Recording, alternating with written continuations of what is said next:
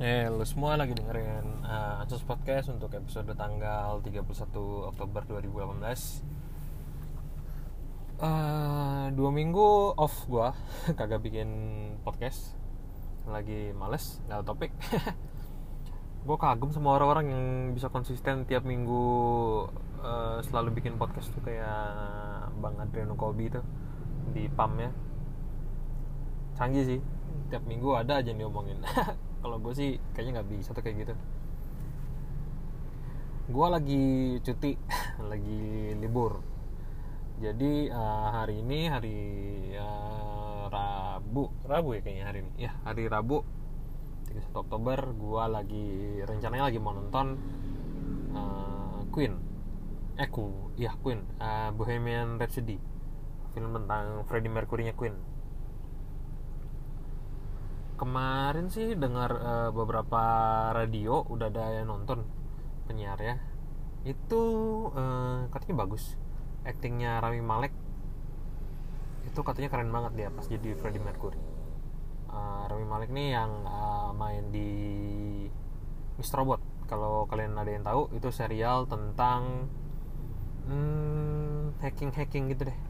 Konspirasi pas hacking itu salah satu uh, serial yang gue rekomendasiin sih. Meskipun itu uh, serial berat banget.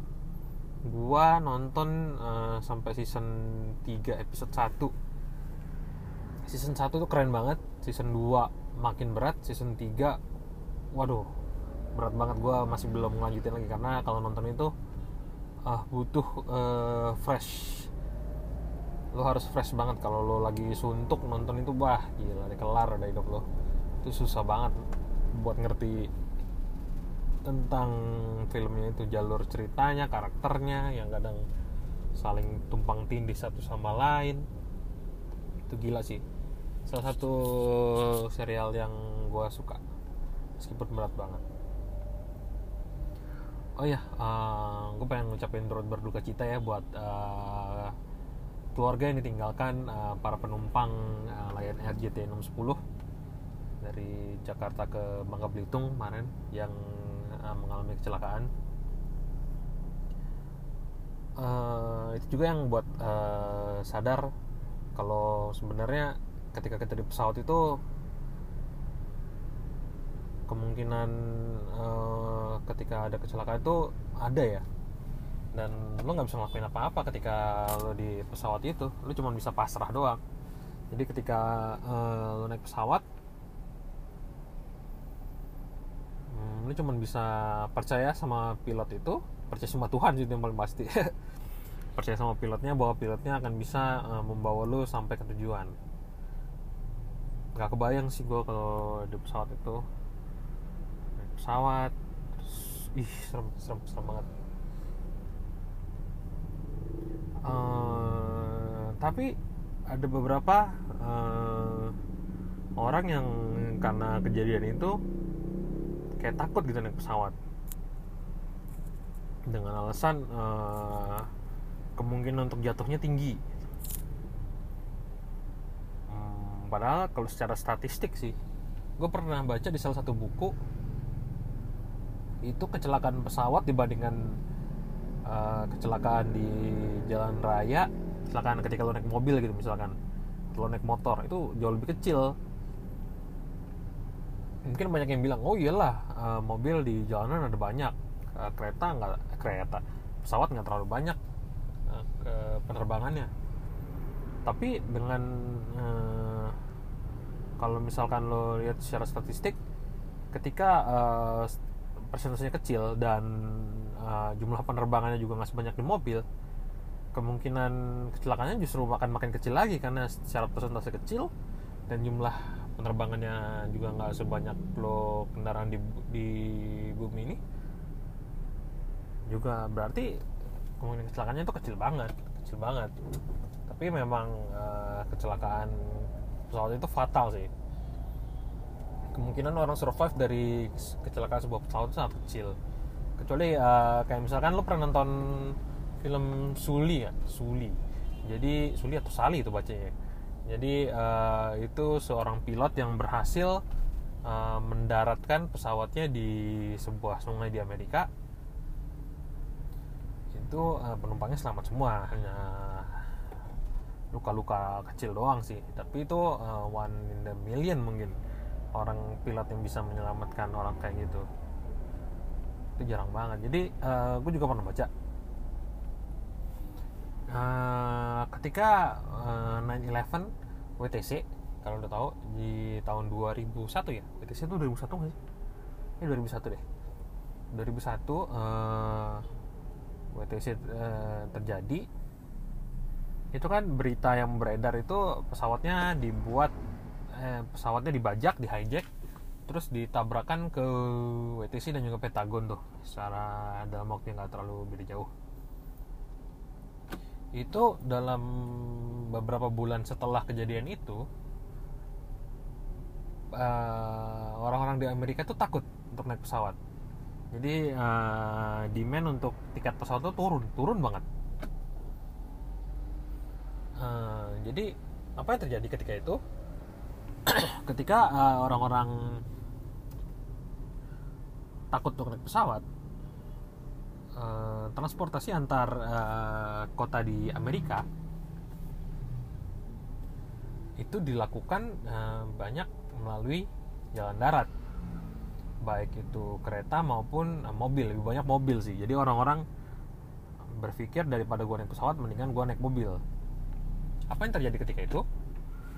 Uh, ketika itu yang terjadi adalah kecelakaan uh, kendaraan mobil kecelakaan jalan raya yang melibatkan mobil itu meningkat secara drastis di Amerika dalam waktu beberapa bulan tersebut jadi orang-orang yang dulunya memilih dengan pesawat mereka akhirnya naik mobil mungkin mereka capek karena jaraknya jauh cukup jauh dan uh, akhirnya banyak terjadi kecelakaan di Amerika. Jadi uh, padahal dalam kurun waktu tersebut beberapa bulan setelah uh, 9/11 terjadi itu nggak ada hijacking pesawat lagi dan juga uh, bisa dikatakan hampir nggak ada kecelakaan pesawat di Amerika pada rentang waktu yang sama. Jadi bayangin kayak gini, orang-orang uh, yang naik mobil kecelakaan di mobil itu, kalau seandainya semuanya naik pesawat, mungkin uh, akan selamat semua tapi karena uh, mereka mungkin paran paranoid dan mereka memutuskan untuk uh, menggunakan jalan darat akhirnya terjadi kecelakaan itu. Emang sih uh, secara psikologi orang akan langsung takut naik pesawat. Jadi kemarin itu hari minggu minggu minggu ya? Enggak hari senin. Kecelakaan itu hari senin pagi kan? Hari selasanya itu kakak gue uh, rencananya sama suaminya sama ponakan gue balik dari Jakarta ke Singapura naik Lion Parno kan takut. Jelas lah siapa yang langsung mau naik Lion lagi besoknya setelah kecelakaan kan. Akhirnya mereka karena takut mereka ganti tiket pesawat lain maskapai lain. Emang kecelakaan pesawat itu cukup fatal sih dan efeknya ke orang-orang yang akan menggunakan alat transportasi pesawat mungkin sedikit takut untuk uh, naik pesawat. Padahal uh, seharusnya sih secara statistik uh, kecelakaan pesawat itu nggak segitu seringnya tapi wajar lah manusia untuk uh, takut parno untuk naik pesawat dalam rentang waktu setelah kecelakaan biasanya sih gitu hmm, main apa lagi ya?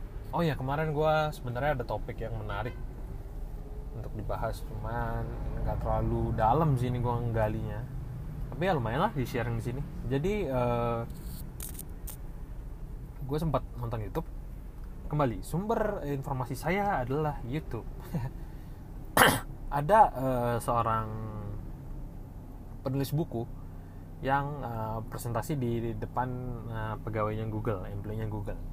Dia mencoba menjelaskan tentang definisi dari uh, waktu, time. Jadi uh, apakah itu waktu? Apakah uh, waktu itu benar-benar exist atau itu sebenarnya cuman uh, buatan otak manusia jadi uh, dikasih contoh gini uh, zaman dulu orang itu mendefinisikan waktu tidak menggunakan jam tapi menggunakan uh, dulu jam mata uh, bukan jam analog kayak sekarang ya dulu menggunakan jam matahari. Uh, jadi uh, definisi waktu dulu dan sekarang itu mungkin agak berbeda. Sekarang kan semua udah pakai mekanik mekanik sehingga uh, menggunakan pendulum yang bergerak secara uh, dengan ritme tertentu. Dan itu yang mendefinisikan waktu untuk zaman sekarang tapi apakah benar itu definisi waktu atau itu hanyakah uh, sebuah cara manusia yang digunakan untuk mendefinisikan sesuatu yang absurd gitu? Ataukah itu hanya manusia yang menciptakan untuk mendefinisikan seberapa hmm, pengalaman yang dirasakan pengalaman apa ya dibilang pengalaman manusia itu untuk diinterpretasi interpretasikan sebagai sesuatu yang nyata. Dan itu uh, yang menginterpretasikannya adalah otak. Jadi dia bilang sebenarnya yang membuat waktu itu otak manusia dan apakah waktu itu real atau enggak nggak ada yang tahu. Bahkan uh, secara ilmu fisika pun hmm, definisi t time itu nggak terlalu bisa didefinisikan dengan jelas juga. Dikasih contoh juga kayak gini. Uh, misalkan hmm, lo melihat lagi di luar angkasa nih. Di luar angkasa terus uh, lo ngelihat orang berlari dari titik A ke titik B itu misalkan. Dengan waktu tempuh uh, sekian detik. Tapi uh, di saat yang bersamaan bumi juga berputar. Bumi berputar orangnya lari perpindahannya sekian detik jarak yang ditempuh orang itu kalau dihitung secara fisika misalkan uh, dia bergerak uh, 100 meter gitu dalam satu detik. Nah kan berarti kecepatan dia berlari itu 100 km per detik kan? Padahal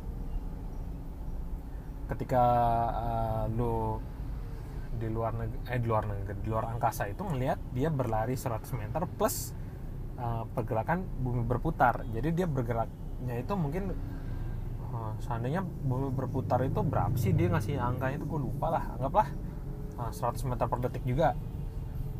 Berarti kan pergerakan si orang itu 100 meter per detik plus dia lari 100 meter per detik berarti kan pergerakannya dia 200 meter sebenarnya bergeraknya kan 200 meter per detik.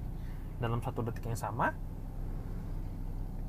nah, dia bergerak berbeda tuh dari lo ngelihatnya dan si orang itu. Jadi uh, kalau dia definisikan uh, eh, gue larinya 100 meter per detik lo ngelihatnya enggak lo larinya 200 meter per detik. Nah kan definisi detiknya jadi beda tuh. Uh, satu detik dia 100 lu satu detik dia 200 jadi yang benar yang mana? Jadi uh, uh, t t waktu itu relatif dari orangnya. Dia ngasih contohnya gitu sih. Bingung kan? Sama gue juga bingung tapi itulah maksud definisinya. Terus juga ada uh, yang menarik juga dia tentang uh, waktu itu adalah mengenai memori. Jadi contohnya gini. Hmm, lo uh, lagi liburan nih. Lagi liburan lu jalan-jalan. Itu uh, ketika lo merasakan misalkan satu hari lo ke Bali gitu. ke Bali satu hari. Di Bali lu jalan-jalan ke Ubud ke Kuta ke mana lah gitu putar-putar putar-putar tiba-tiba udah selesai itu satu hari kan? Di lo ketika lo ngerasain itu sehari itu rasanya uh, cepet banget. Nggak berasa kan? Nggak berasa relatif. Jadi definisi satu hari lo tuh cepet. Ah hari ini sehari menurut gue cepet nih. Terus ada teman lo yang lain lagi nggak ngapa-ngapain nih.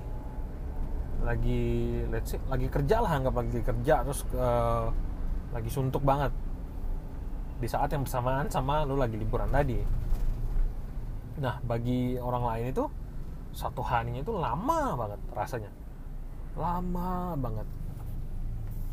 Nah jadi apakah uh, time itu relevan terhadap lo berdua? Padahal kan enggak. Padahal uh, sama-sama satu hari tapi uh, yang lo rasain di otak lo rasain itu berbeda. Dan uh, ketika yang menarik adalah ketika lo flashback lo mikir eh lo mikir lagi lo uh, bayangin gini deh. Lo coba inget-inget ketika uh, lo liburan. Ketika lo liburan lu bayangin di memori lo uh, apa aja yang lo lakuin. Itu uh, memori waktu yang lo rasain itu akan lebih uh, lebih apa ya, lebih panjang dibandingkan coba lo uh, mikirin satu hari di mana lo uh, lo ngerasa suntuk banget.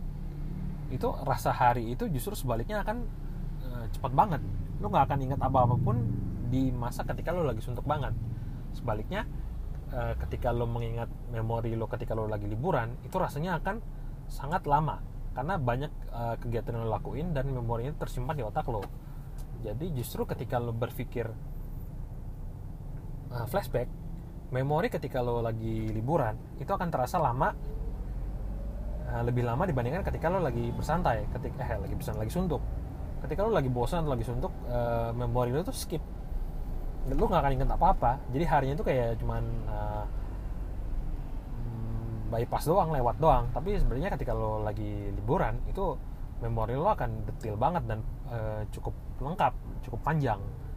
Sebaliknya ketika lo ngerasain pas lo lagi liburan itu harinya akan terasa cepet banget. Cepet banget nggak berasa apa-apaan. Tiba-tiba udah kelar aja liburannya. Tapi ketika lo ngerasain lagi bersuntuk itu harinya bakal terasa lama banget. Menarik kan? Gue nggak bisa ngejelasin dengan cukup baik sih.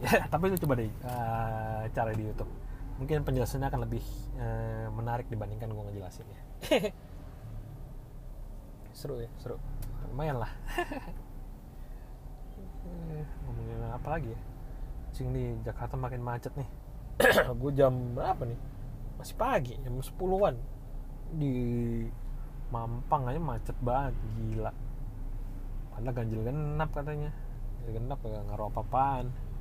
Ganjil genapnya diperpanjang lagi jambo jambo. Untung hari ini ganjil mobil gue ganjil. Masih aja macet gak ngaruh nih ini ganjil genap. Aduh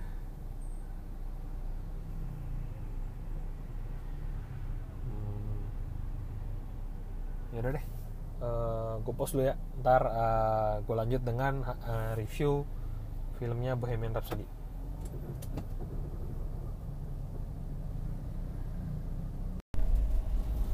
Oke, okay, balik lagi.